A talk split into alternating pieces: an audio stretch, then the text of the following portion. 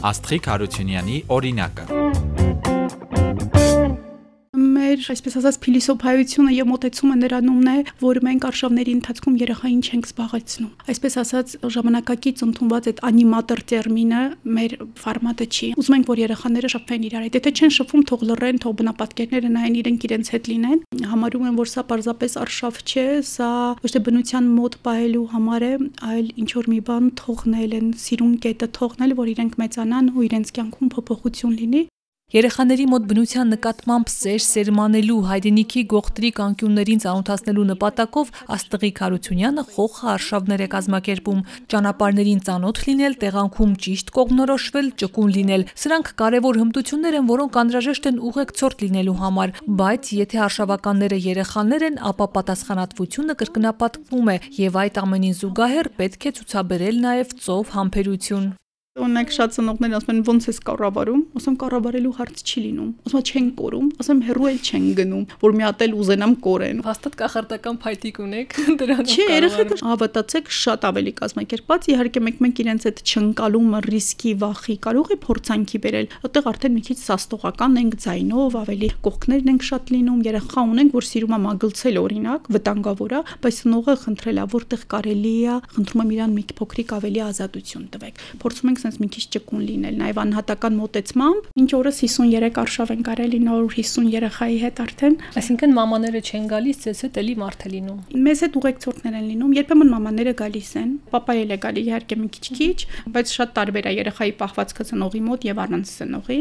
Մասնագիտությամբ լեզբաբան է Աստղիկը, Իտալիայում մարդու իրավունքներ եւ քաղաքագիտություն է ուսումնասիրել։ Մինչեւ արշավական ակումբ ստեղծել է 2010 թվականից անգլախոս, իտալախոս բոսավար է աշխատել։ Համավարակի օրերին ընկերների համար արշավներ է կազմակերպել։ Հետո նրանց խորհրդով ստեղծել Արի արշավախումբը, որի տրամաբանական շարունակությունն էլ դարձել է Խոխան Քանի որ արդեն արշավներին գալիս էին մամաներ, քանի որ կորոնայի ժամանակ երկրից դուրս չէին կարող գնալ այդ համանախապակումները եւ արդեն որոշ մարդիկ իհարկե ստիպված էին, ես դա միշտ հաճելիորեն ստիպված լինել եմ համարում, որովհետեւ նպաստեց նաեւ հայաճանանչությանը, հա, Հայաստանի հետ պատմամշակութային եւ բնական հուշարձանների ճանաչմանը, երբ որ գալիս էին երեխաների հետ, զգում էի, որ ոչ երեխաներն են հանգստանում այդ արշավին, վայելում, ոչ ծնողները։ Անընդհատ այդ դիտողությունների ես կերեն արա սենց քայլին, սենց քայլի արի կողքեզ ու այդ այդպես ինձ բնականon զենց ոնց որ ստացվեց երկու ամիս անց գործունեությունից արդեն հիմք դրեցի խոխա արշավների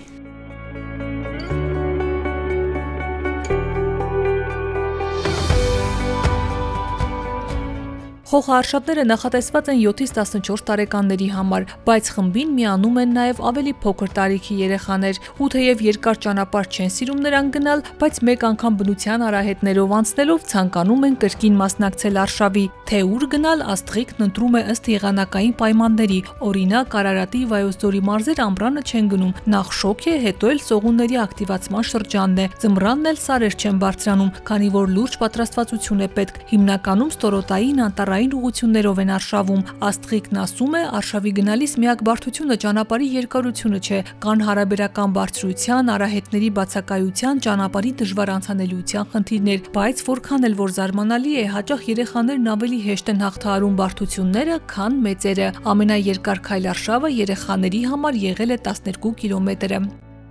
ծնողների հետ միշտ կապը պահում ենք ու փորձում ենք մաքսիմալ անկեղծ լինել եւ մենք ես որպես կազմակերպիչ եւ ուղեկցորդ եւ խնդրում ենք նաեւ նույնը որպես ծնող երեխայի տպավորությունները, դիտարկումները, նաեւ նկատողություններն ու դիտողությունները։ Ցավոք սրտի մեր հասարակության մեջ կարծիք կա, որ երեխաները այնքան չեն հասկանում, որ փնփնթան կամ դիտարկում անեն, դրա համար երբեմն դիտարկումները այնքան դիպուկ են լինում, որ օգնում են նաեւ վերափոխելու։ Դրա համար այդ կապը միշտ պահում ենք այն պայմանով ծնողների հետ, որ երեխան չիմանա մեր զրույցի մասին մասին։ Չեմ ուզում պիտակավորեմ, տարբեր վարքի երեխաներ կան տարբեր ակտիվության, այնպես են կանում, որ իրար հետ զրուցելիս ներկայացնելու երեխային երեխան հանկարծ չիմանա, անկամ եթե ինչ որ միտեղ վազել է կամ ինչ որ մեկին հրմշտել է, բան, չենք ուզում, որ երեխան իմանա, որ այդ ամեն ինչը տեղահասնում ծնողին, որ ինքը ինքնաբուխ իրան ոնց ուզին հենց բայ։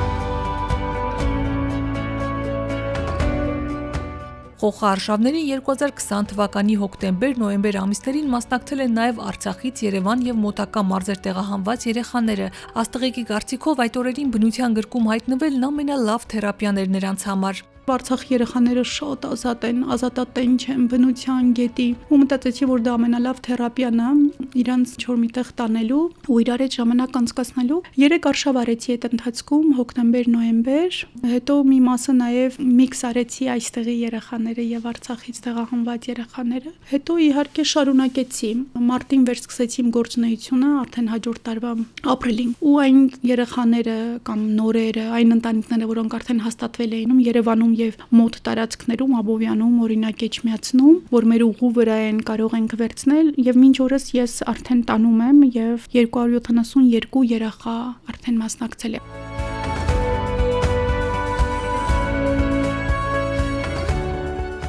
Աստղիկը չի ցանկանում առանձնացնել ոչ Արին, ոչ Խոխան։ Յուրաքանչյուրն իր ուրույն տեղն ունի։ Այս տարի մտադիր է նաև դերարական արշավներ կազմակերպել։ Բոլոր երեխաները պետք է մասնակցեն արշավների ու այն պետք է դառնա ոչ թե ժամանց, այլ ձևավորված մշակույթ։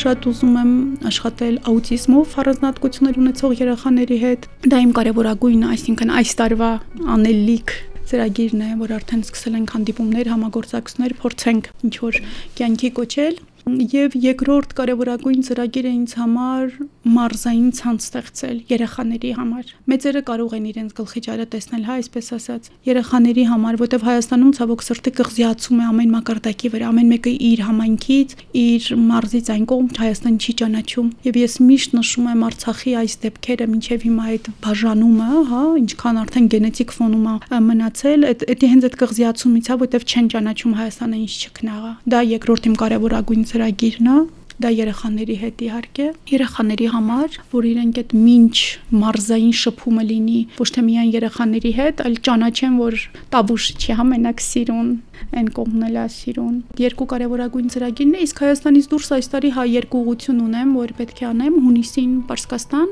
դա արդեն մեծերի համար հայկական ժառանգությունը Պարսկահայք հատվածը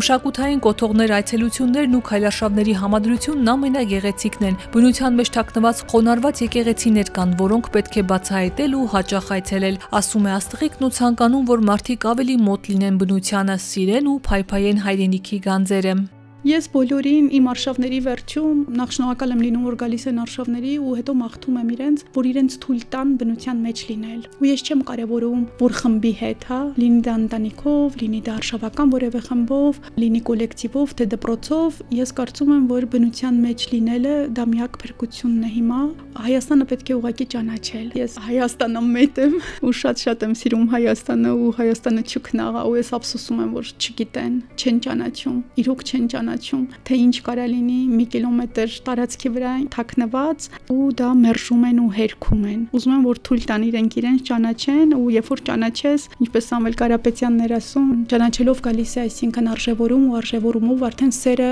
կլինի ու կլինի։ Դրա համար սիրել չես կարող պահանջել, բայց մի քիչ պահանջես ու խնդրես որ ճանաչեն, այդ լավ է։ Դրանից հետո արդեն սերը ինքնաբուխ կգա, իսկ երբ որ սերը գա, արդեն պաշտպանելու, պահելու, պահպանելու, արդեն շղթայական ռեակցիայով առաջ կգնա։